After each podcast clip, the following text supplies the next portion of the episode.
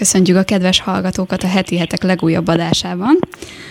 Izgalmas témával fogunk ma beszélgetni, nevezetesen a kedden Fehérházban aláírt Ábrahám egyezményről, az ideig vezető útról, és arról, hogy mit is hozhat ez a történelmi megállapodás a közel-kelet jövőjére nézve.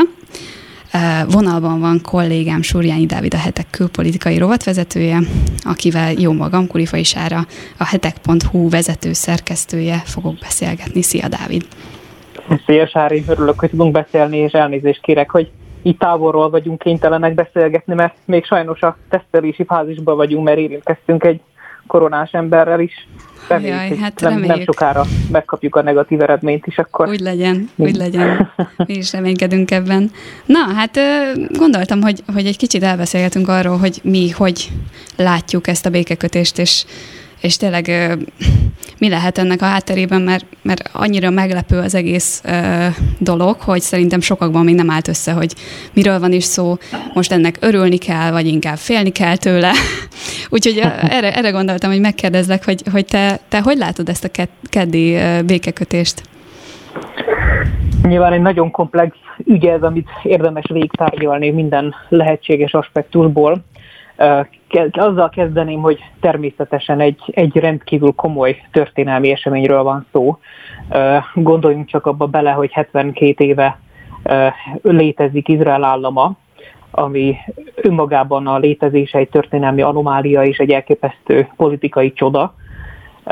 És ez alatt a 72 év alatt összesen két állammal sikerült neki viszonylagosan rendezni a kapcsolatait, ez Egyiptom és Jordánia velük történő béke, békekötést is idézőjelben mondom, hogy békekötés, inkább egy ilyen meg nem támadási egyezménynek lehet nevezni, ettől függetlenül ez nem jelenti azt, hogy, hogy a jordániaiak és az egyiptomiak baráti módon viszonyulnának Izraelhez, csak egy ponton túlészelték a politikai és a katonai realitásokat, hogy nem fognak tudni erőt venni Izraelen, és akkor mindenkinek érdeke az, hogy a kapcsolatokat rendezzék valamilyen szinten. Hát természetesen meg is jött erre a Nobel békedíj eső, megkapta Szadat is, megkapta Begin is, stb. Szóval uh, um, egyébként érdekes, hogy ez a folyamat most is elindult, mert már Trump is és, és Netanyahu is Nobel békedíj jelölt.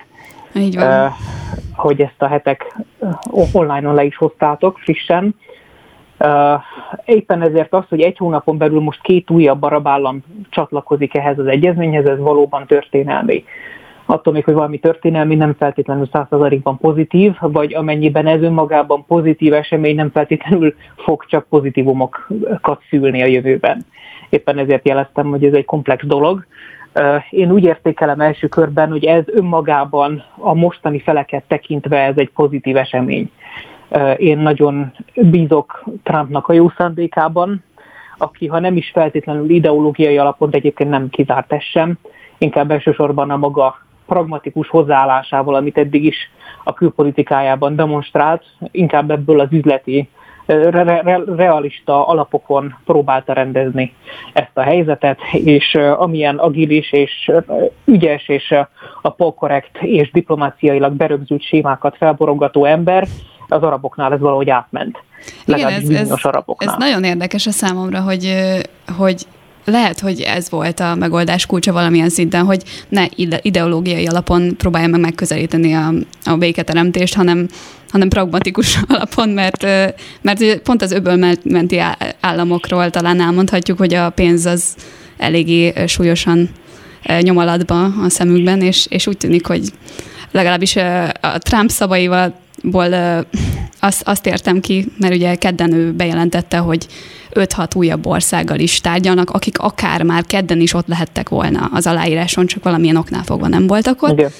Tehát úgy tűnik, hogy lehet, hogy a közeljövőben 5-6 új bejelentéssel találkozhatunk, úgyhogy úgy tűnik, hogy legalábbis az öbölmenti államoknak a, az esetében ez a gazdasági megközelítés, ez, ez nagyon bejött mind a gazdasági, mind pedig az, hogy szerintem számít az, hogy Trump szakította a klasszikus nyugat, nyugati diplomáciai taktikákkal.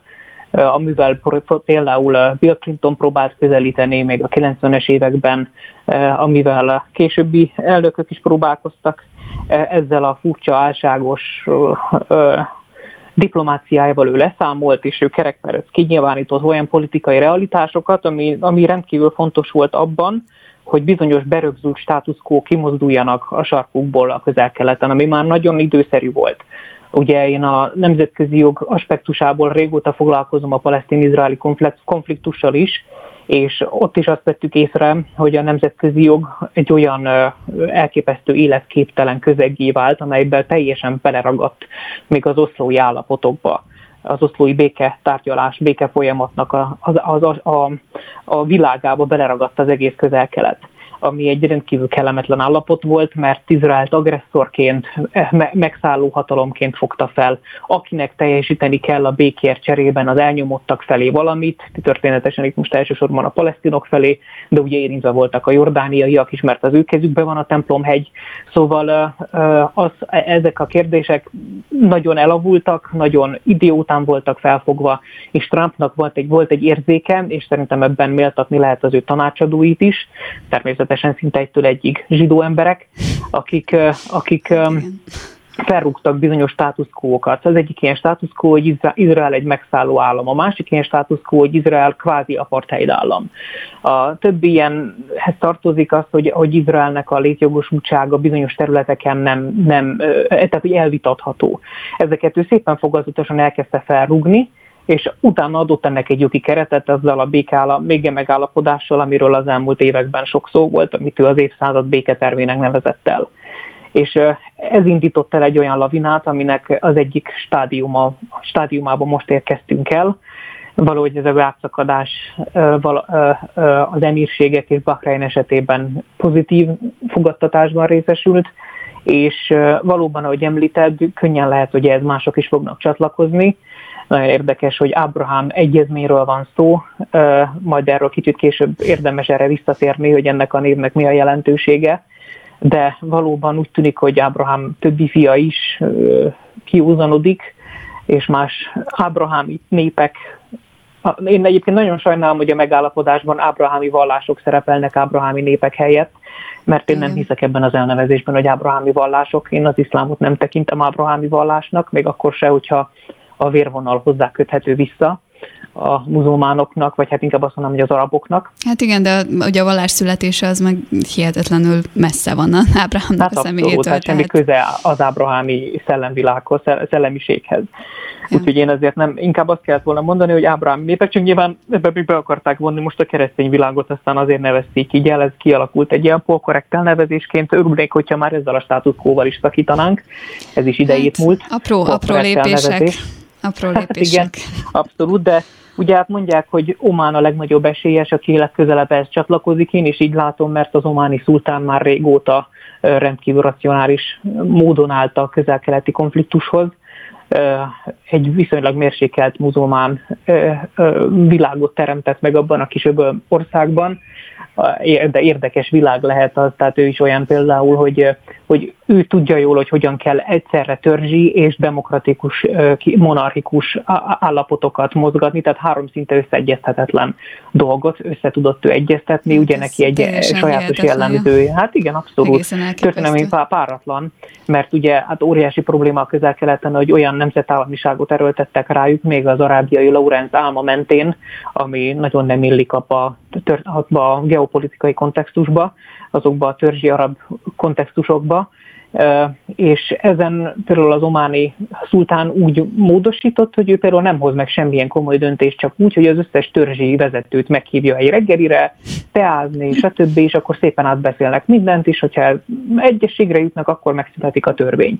Szóval nincsen ilyen rendeleti szabályozás nekik. Igen, ez egészen érdekes, de nem. Én, én abszolút úgy látom, hogy, hogy valahogy, mintha egy egy picit a, a Trump is a személyes kapcsolatokon keresztül uh, vinni a, a diplomáciáját. Tehát most, most, ahogy én néztem ugye élőben a, a keddi aláírást, ott is uh, uh, itt ölelgetések voltak, hátba veregetés, tehát hogy teljesen, mint, mint, mint, mintha barátok ilyen kerti partira jöttek volna össze, olyan volt a hangulat, és ez valami hihetetlenül ellentétben áll az előző békekötésekkel, akár Egyiptomot, akár Jordániát nézem, ahol, ahol egy kicsit ilyen karót nyeltebb hangulat volt. Itt, itt olyan volt egy picit a benyomás, hogy hogy Trump, mint egy, nem is tudom, a, a maga egyszerűségével, amivel, amiben tényleg, ahogy mondtad, így nem igazán jelenik meg így a, a képmutatás, hanem gyakorlatilag tényleg a Twitteren és élőben is elég gyakran azt mondja, ami a szívén van,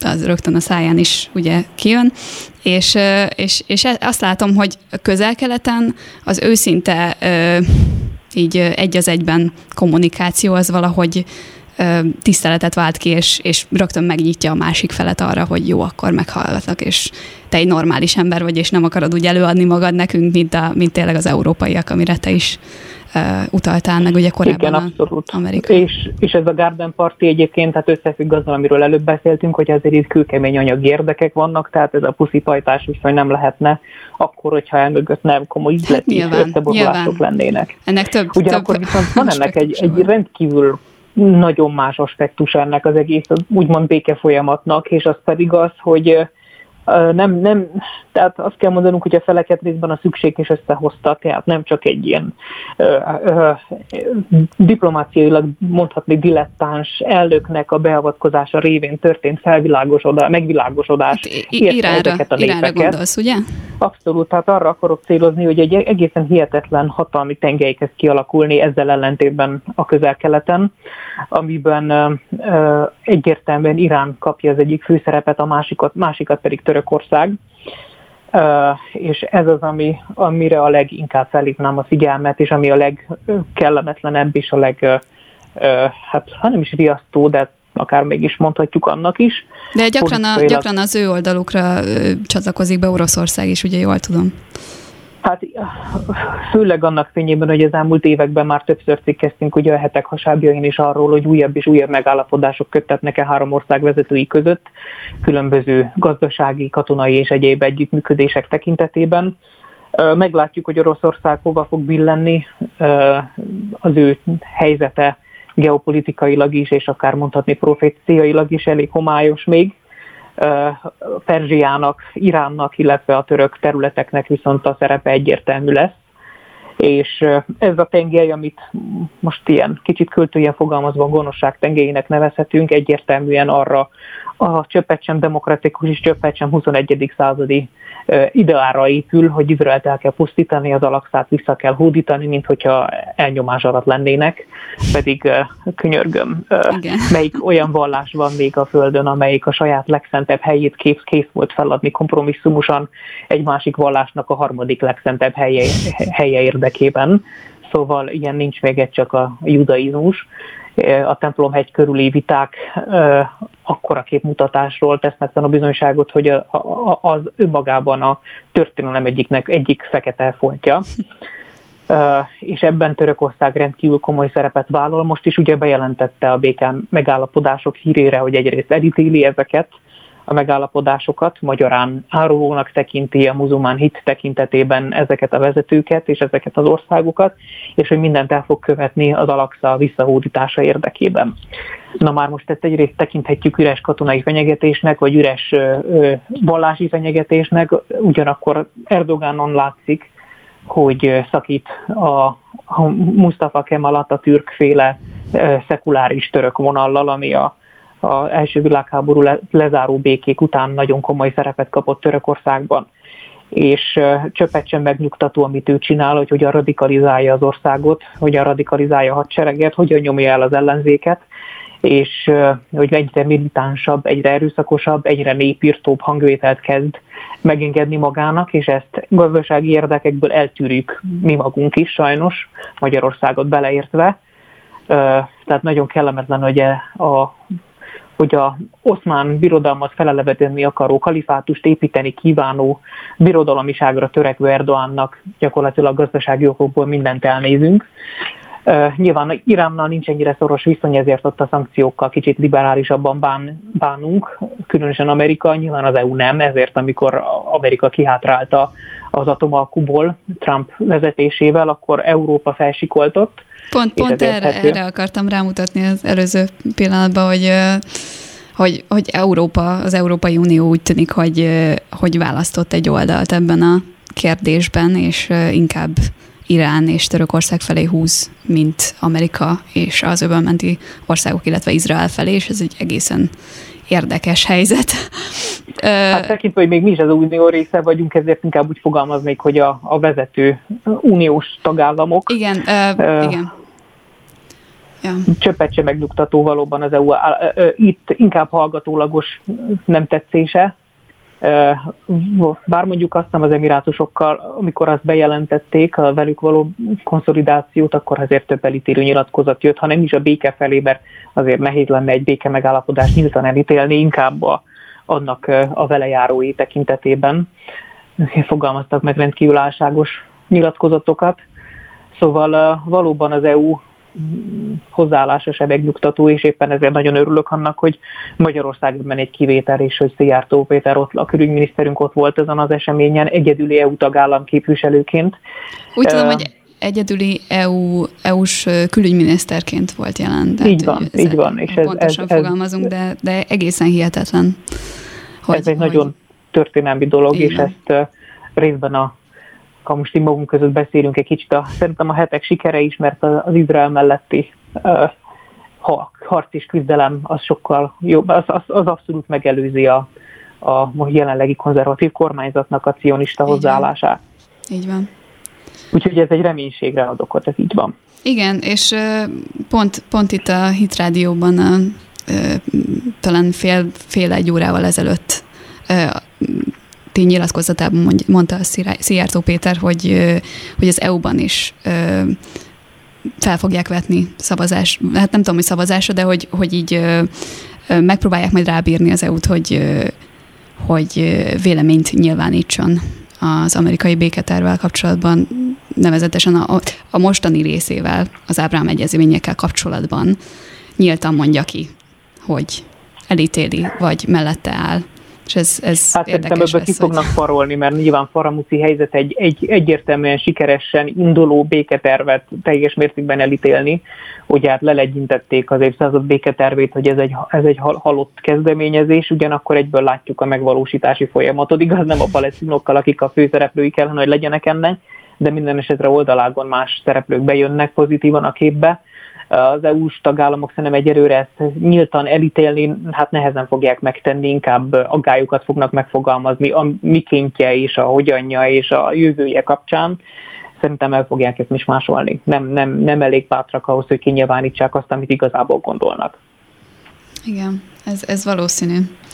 Um, azt, azt akartam még megkérdezni ezzel a kérdéssel, vagy ezzel a, a témával kapcsolatban, hogy ugye um, sokan sokakban ilyen apokaliptikus várakozásokat keltett ez a békekötés, pontosan azért, mert, mert egy óriási változást jelez az eddigi státuszkóval kapcsolatban, mert ugye eddig ugye Izrael volt teljesen elszigetelődve a közel-keleten, és most úgy tűnik, hogy Izraelnek fokozatosan egyre több baráti ország lesz, aki, aki mellé áll Iránnal szemben, és ugye Netanyahu kijelentette, hogy, hogy Irán az, aki, aki egyre inkább szigetelődik el a közel-keleten. És ugye sokan úgy látják, hogy legalábbis így a keresztények, akik, akik bibliahívők és a proféciákat szokták tanulmányozni, hogy ugye a, a világ vége, vagy az utolsó szakasz a, a világ korszaknak a vége előtt azzal kapcsolatban vannak ilyen szakaszok, amik előrevetítik azt, hogy, hogy Izrael és sok másik ország között béke fog létrejönni, mielőtt még elindulnának a, a csúnya folyamatok. És, és hát most, most sokak fejében felmerült, hogy vajon ezek a békekötések ennek a folyamatnak a kezdeteie. Te erre mit tudnál mondani? Hát Egyrészt az fontos kiemelni, hogy nyilvánvalóan Izrael is érzékel valamit, hogy nem biztos a helyzete. Most azon túl, hogy, hogy nyilván el volt szigetelve a nemzetközi diplomáciában sok tekintetben, konkrétan egzisztenciális aggályok felmerültek Irán és Törökország részéről, különösen akkor, amikor az Egyesült Államok elkezdtek katonailag kivonni magát a közel-keletről. Szíriától kezdve Afganisztán, Irakottól kezdve pontosabban Szírián át Afganisztánig, egyáltalán, tehát így kezdtünk ezekről is, hogy azért ebben több aggályos elem van, hogy Amerika kivonja magát onnan. Nyilvánvalóan a jelenlétünknek is több aggályos vetülete volt, tehát ez nem kérdés, de hát az igazság, hogy ember legyen a talpán, aki hibátlanul csinálja a közel-keleti dolgokat, szerintem erre csak a messiás hát, lesz képes.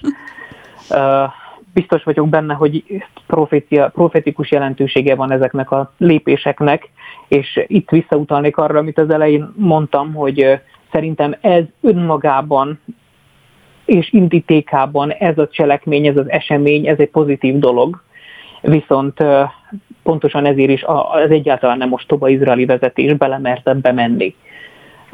Viszont attól tartok én is, hogy, hogy Izrael elindíthatja egy olyan kényszerpályán, amiről egyértelműen a Szentírás, amire te is utaltál, ír, hogy, hogy Izrael nagyon akarni fogja majd a népeknek a legitimációját. Izrael nagyon szeretné majd, hogy megveregessék a hátát, hogy te is a nemzetek közé tartozol. És, és a proféciák szerint olyan kompromisszumokba fog előbb-utóbb Izrael belemenni, ami végzetes ránézve. Végzetes lenne, hogyha a messiás nem lenne. és egyértelmű, hogy az, hogy Izraelben béke van, békének tűnik, ez egy látszat béke. Átmenetileg ez egy pozitív esemény, nem vagyok benne biztos, hogy elsősorban Izraelre nézve pozitív, inkább Amerikára nézve pozitív, hogy az elnök egy ilyen lépést tett. Izrael Főleg tekintetében... választások előtt. Pontosan választások előtt, meg így a szellemi aspektusból is, amit most Igen. te behoztál a képbe a nemzetnek a szellemi megítélése tekintetében ez egy fontos elem. Ugyanakkor Izraelre nézve szerintem ez egyáltalán nem hozhat olyan megnyugvást, mint amilyen megnyugvást és örömet lehetett látni azokon az embereken az arc, azoknak az embereknek az arcán, akik ott Garden partiztak a Fehérházba. Én biztos vagyok benne, hogy Irán ezt nem fogja annyiba hagyni, meg Törökország se, ahogy emberkednek is, és mondogatják ezt és azért ne, ne, ne hagyjuk figyelmen kívül, bár nyilván politikai beszélgetésben ezeknek a, az elemeknek ritkán van helye, mert sokkal inkább a tudományos, fantasztikus ő kategóriájába söprik be, de hogyha már a hetek olvasói előtt szellemi aspektusokat is behozunk a képbe, akkor érdemes megemlítenünk azokat a proféciákat, amelyek a maguk háborújára utalnak, és hát az az igazság, hogy még soha ennyire nem tűnt késznek a terep erre, ennek a proféciának a beteljesedésére, ami természetesen egy duál, minimum duális profécia, tehát most annak egyik beteljesedéséről beszélünk, ami egyértelművé teszi, hogy a török területek és Perzsia más szereplőkkel együtt is, akiknek az elemzésében én nem bocsátkoznék, mert se nem szakértő nem vagyok, se nem szerintem még ezek elpecsételt titkok, tehát nem lehet biztosra tudni, hogy kik a többi szereplői, például Rós és például ki maga a Góg és ki a Magóg,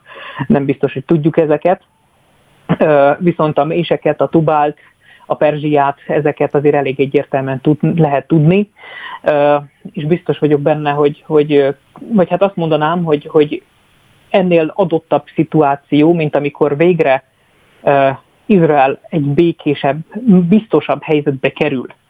Emellett okoz egy frusztrációt a muzulmán szélsőségeseknek az, hogy az ábrahámi népek közül egyre többen, tehát az arabság egyre többen úgymond lep, az ő szemszögükből lepaktál, kompromisszumot köz a zsidó állammal, ennél nagyobb frusztrációt el sem bírok képzelni.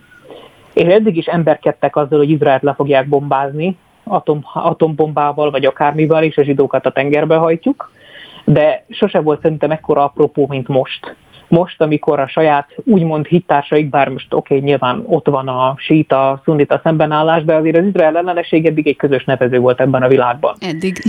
Ha eddig. Ha most ez is megszűnik, különösen, hogyha Szaúd-Arábia csatlakozik ehhez a folyamathoz, akinek a kezében van ugye Mekka és Medina, akkor szerintem egy olyan történelmi precedens lesz, ami, ami, ami kiválthatja a, a perzsa államnak a haragját, és ennél több se kellhet például a török államnak, hogy, hogy a balhét, ő, balhéba ő beszálljon.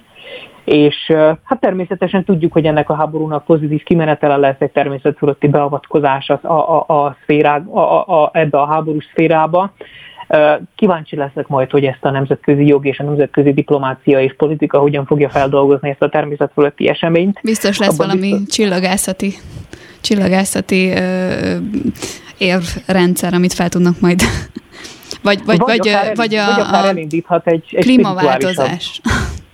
Az is lehet, de, de tekintve, hogy, hogy meg kell adni a terepet arra, hogy, hogy a, hogy az új világbirodalomnak az éven lévő hatalmasságot előbb-utóbb tényleg a most még teljes mértékben szekuláris államokban is gyakorlatilag istenként tiszteljék, azért ahhoz kellenek spirituális változások.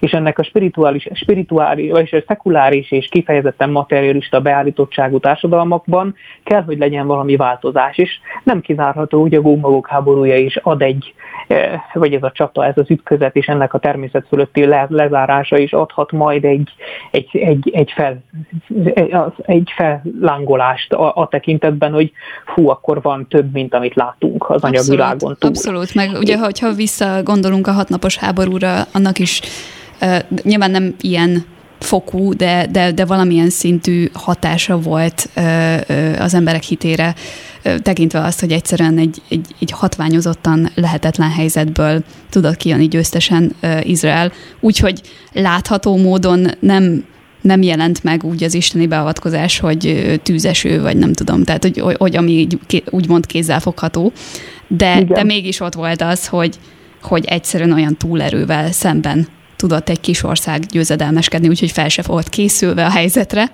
hogy, hogy ez sehogy nem lehet megmagyarázni. És úgy gondolom, hogy valahogy így ennek a hatványozott verziója fog talán megismétlődni majd a, a Góg és a Magók háborújában is.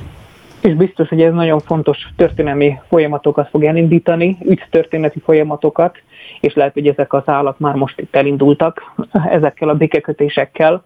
De ez sem biztos, hogy ez így lesz, ez csak egy felvázolt esetleges forgatókönyv. Az, ami a Bibliában lejön írva, az meg fog valósulni, hogy ami most aktuál politikailag történik, ez közvetlenül összefüggésbe lesz Én azt gyanítom, hogy igen, de természetesen ezt nem lehet ezer százalékosan kijelenteni, csak ha majd beteljesedett.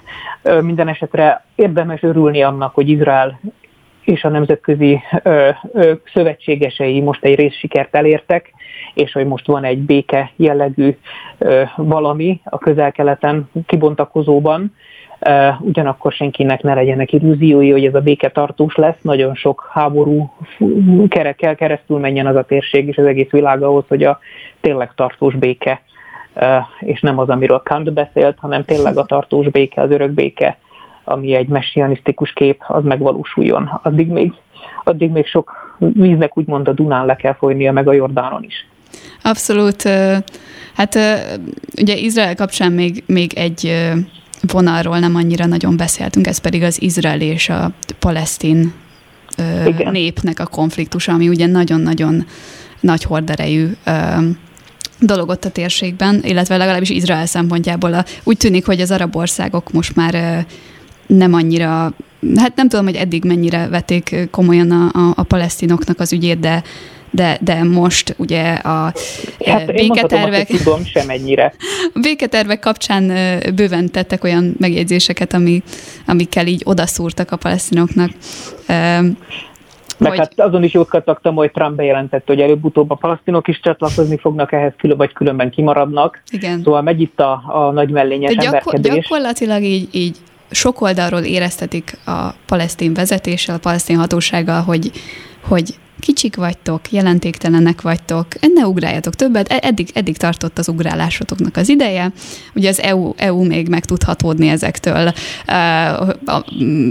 Utal, utalok ezzel például a, a délről jövő rakétázásokon keresztül a, a robbanó lufik átküldésén át a, a meg, megrendezett szenvedős fotókon keresztül úgymond, nem tudom, hogy ezt így inkább propagandának mondanám, mint diplomáciának, de úgy tűnik, hogy, hogy, hogy egyre, egyre kevesebb oldalnak jön be ez a, ez, a, ez a fajta kommunikáció, amit a palesztinok küldenek. Ugye azt nem tudom, hogy mennyire tudják a kedves hallgatók, de a békeegyezmény aláírása alatt is rakétázás volt. Gázából ö, 13 rakétát küldtek át Izraelnek ajándékba, így úgymond megünnepelve idézőjelben ezt, a, ezt a, az eseményt. De, de bennem, bennem az a kérdés jött föl, hogy, hogy vajon mi, mi, mi lehet majd az a, az a helyzet, vagy az a lépés, aminek a következtében a palesztinok vagy abba hagyják a folyamatos ellenségeskedést Izraellel kapcsolatban, vagy pedig egyenesen odáig eljutnak, hogy nekünk is kell a pénz, nekünk is kellenek a fegyverek, és nekünk is kell az, hogy, hogy Izrael mellett normálisan éljünk, és, és ez abból a szempontból is érdekel, és itt vissza, visszakanyarodnék a bibliai proféciáknak a témaköréhez, hogy ugye a Biblia hívő keresztények azt is várják, és sőt, sőt a zsidóság is várja, hogy a templom hegyen előbb-utóbb újra, újra fog épülni a templom, és ennek ugye meg kell ágyazni egy kicsit a, az eseményeknek, és, és szerintem ebben masszív szerepet játszik az is, hogy, hogy egy izraeli-palesztin béke, béke, vagy legalábbis ilyen normálishoz közelítő együttélés az kialakul, vagy nem. A palesztin kérdésben is azt mondom, hogy egy ideje, hála Istennek, tabu döntöketés zajlik, mert ott is olyan elképesztő status quo szintű elvek beépültek, aminek semmi értelme nem volt történelmileg sem, meg nemzetközi jogilag sem, meg sehogy se. Tehát egyrészt a palesztinokat népként kezelni, sőt államként kezelni, ez teljesen nonsens ők maguk is jól tudják, csak nyilván nem vallják be, hogy ők nem egy, nem egy koherens nép, ez nem egy, nem egy homogén társadalom, ők a különböző környező arab népeknek az ott lakó testvéreik, rokonaik, akiknek egészen a 60-as évek vége feléig nem jutott eszükbe saját nemzetállamban gondolkodni. Ennek a feltüzelője, ennek a gondolatnak, ennek a nacionalista hevületnek az Yasser Arafat volt, aki egyébként szintén Nobel békedíjjal a zsebében ment a más világra, ami szerintem a, önmagában hitelteleníti ezt az intézményt. Abszolút. És, mert ő egy, egy, egy tömeggyilkos terrorista volt, nem lehet más mondani rá, aki mást mond, az hazudik, vagy nem tudja az igazságot. A palesztin nép nagyon sokan, vagy a palesztin, nézd meg, én is ezt mondom, a palesztinnak nevezett Mégiscsak valamennyire működik réteg. ez a propaganda, nem? Így a tudat alatt is átmegy. De nyilván most az egyszerűség kedvéért is használom ezt a szót kifejezést nyilván sokat szenvedett, amikor a, a sok odavaló utazásunk során mi is érzékeltük azt, hogy, hogy komoly szenvedéseknek vannak kitéve, csak nem mindegy, hogy kinek nem egy apartheid elnyomó ö, ö, okupációnak az eredménye az ő szenvedésük, hanem a saját vezetésük és a saját ö, ostoba felfogásuk, és azt, hogy megalkusznak egy terrorvezérrel. Így van, és egyébként, ha megkérdezed, akkor a, a többségük az izraeli vezetés alatt szeretne élni, mert... Hát persze, ettől függetlenül nem akarják, hogy, hogy hogy, hogy, hogy, hogy a palesztin államiságnak az álma fel, fel legyen adva, legyen itt palesztin állam, csak ő nem fog oda költözni. Mert soha nem lesznek olyan jogai, és olyan jóléte, és olyan egészségügyi ellátása, mint amely Izraelben részesül, de természetesen Allahu Akbar és Izrael le Izraellel, ugyanakkor tehát teljesen skizoid állapotban van a palesztin nép sajnos e tekintetben, őket is, a népet magát is felelősség terheli, szembe kellene néznie mind a saját kettőségével, mint pedig a, a, a vezetőjüknek a képmutatásával. Na és akkor jön egy Donald Trump a képben, aki ezt az egész képmutatást, ami kialakult körülöttük, beleértve azt az elképesztően drámai, de ugyanakkor elképesztően hazug módon felhasznált menekült problémát, ami a palesztinoknál van, ami egy mesterségesen generált dolog, és itt jön be a képbe az arab államoknak a felelőssége és negligenciája, hogy igazából őket nem érdekli az arab állam is, a, a, a palesztin államiság, őket az érdekelte, hogy legyen egy erők a Izrael szemben, és erre a legfőképpen a palesztin államiság gondolata és a menekülteknek a visszatelepítése mutatkozott a legjobb eszköznek. Na hát látszik, hogy ez nem ment le a torkán senkinek, aki ebben érintett, se Izraelnek, se Amerikának. Egyedül az Európai Unió bizonyult ilyen elmebetegnek, meg az ENSZ, hogy úgy gondolta, hogy teljesen jogos dolog csak a palesztinokra nézve a nemzetközi jogon belül egy kifejezetten palesztinokra nézve kialakított menekült jogot létrehozni, ami teljesen liberálisan értelmezi a, a, a, a menekültséget, hogyha csak pár napig már ellettek mozdítva a gyerekeik is, amit tudom. Tehát a, És ugye konzerválja ezt a borzalmas állapotot jó sokáig, mert, mert kimondja, hogy, hogy ugye... Aki valaha egyszer rövid ideig élt Izrael területén, az már jogosult arra, hogy oda visszaköltözessen. Így van, meg, meg ha, nem tudom, hogy jól tudom, de, de hogy a leszármazottaik, leszármazottaik is beleszületnek a, a, a menekült státuszba. örökölhető a státusz, tehát csak rájuk nézve senki mással nem foglalkoznak ekkora nagy hevülettel, a tajvániak, a hongkongiak, a baszkok, a katalánok, senki nem érdekli őket ennyire, csak a palesztin népség. Miért? Mert Európában óriási még mindig az az antiszemitizmus, amit most már letagadnak, és most már anticionizmus néven pusztít tovább,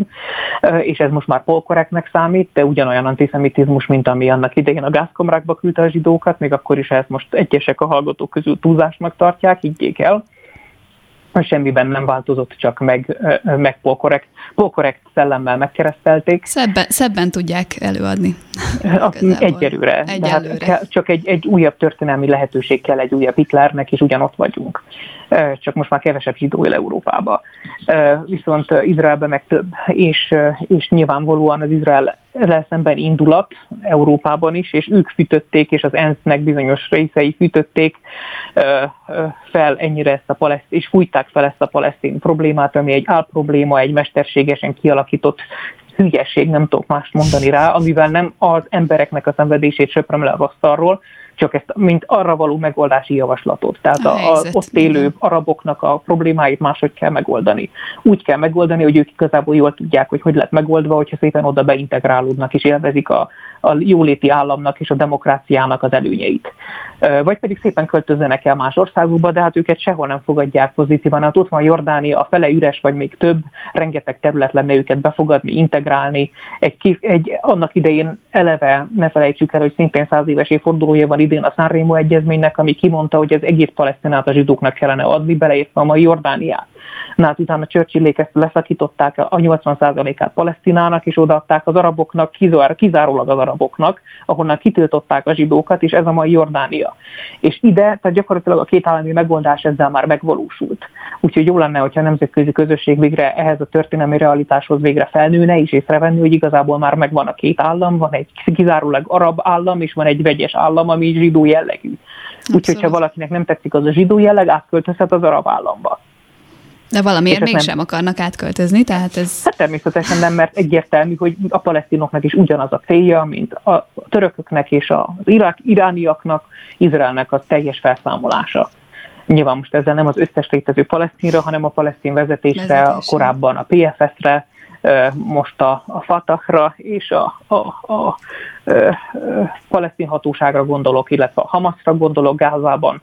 Ezeknek egyetlen egy célja, hogy az Izrael államnak a zsidó jellegét elvegyék. Mert hogyha a menekülteket visszaköltöztetik oda, akkor az több millió embert 700 ezerrel kezdődött 48-ban, most már van vagy 5 millió, ha nem több, és ez, ez egyértelműen elvenné Izrael államnak a zsidó jellegét, az egyetlen zsidó jellegű állam a világon, miközben arabból és muzulmánból van egy tengernyi. De nekik még az az egy kis csöpp eredeti Palesztinából megmaradt 23%-on is veszekedniük kell.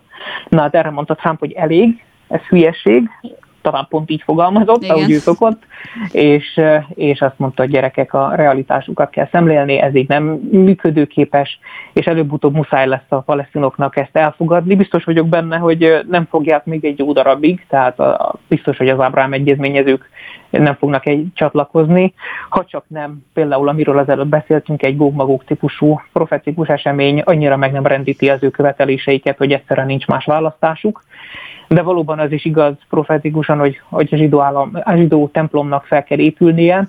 Egyébként itt hangsúlyozom, ez elsősorban nem a palesztinokon múlik, mert a palesztinoknak a torkán bárki bármit könnyűszerre le tud tolni, mint hogy most ezt is. Tehát láthatjuk, hogy igazából a palesztinokat mindenki úgy tologatja, hogy akarja, és hogyha az eddig az ő kitartóik, az arab államok kihátrálnak mögülük, akkor annyi volt az ő követeléseikből. A templomhegynek a sorsa teljesen más. Eleve Jordán kézen van, az persze olyan szempontból nem lehet függetleníteni a palesztin kérdést, hogy ők vannak ott csaptósként és izé, mondhatni élő pajsként, tehát őket lehet bevetni azonnal ilyen a húsvétben. Hát igazából azért, azért említettem ezt, mert, mert azért elég nagy kellemetlenséget tud okozni egy újabb intifáda, amire ugye az első kettő során rendkívül durva terror hullám Ugyanakkor azt is el kell mondani, hogyha a nemzetközi közösség nagyobb legitimációt ad Izraelnek, és már nem, mondjuk, esetleg mondjuk eljön végre az a csodálatos pillanat, amikor nem megszállóként tekint rá, akkor sokkal nagyobb hatósági lehetőségei lesznek Izraelnek, hogy megvédje önmagát. Tehát eddig egy ilyen, egy, egy ilyen jaj, agresszornak neveznek, ezért nem akarok túl, túl, túlzottan odalépni, védjük meg, ami védhető, és a többi módon próbált hozzáállni. Ha már esetleg ebből a státuszból kiléphet Izrael, akkor azért a palesztinoktól nem kell nagyon félni, tehát nem egy veszedelmes társaság önmagában, sokkal veszedelmesebb az, aki őket pénzeli és felfegyverzi, Irán és, és a Hezbollah, bár mondjuk a Hezbollahot is Irán finanszírozza, meg Törökország. Igen. Egy, Tehát egy... éppen, igen. igen.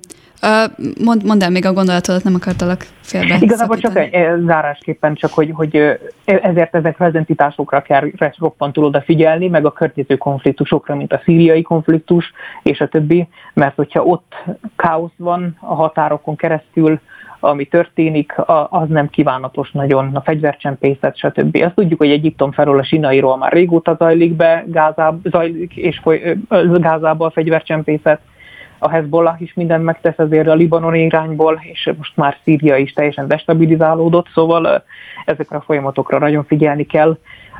Az, hogy a templomot felépítsék, ahhoz még több olyan lépcső kell, amiről még sokat fogunk cikkezni és címlapokat gyártani. Rendben, hát nagyon-nagyon köszönöm, hogy itt voltál velünk, és, és itt elemezted a, a helyzetet és az eseményeket. Uh, ahogy, Nekem megtiszteltetés, köszönöm. Ahogy te is mondtad, lesz még erről bőven szó, úgyhogy türelemre is inteném a kedves hallgatóinkat, hogy lehet, hogy minden nem hangzott el ma, de különböző részletekben ez, ez biztosan, hogy meg vitatásra fog kerülni közöttünk. Köszönjük, hogy velünk voltak, és legközelebb hamarosan. További jó hetek olvasást kívánunk. És mindenkinek egészséges napokat. Így van. Szia!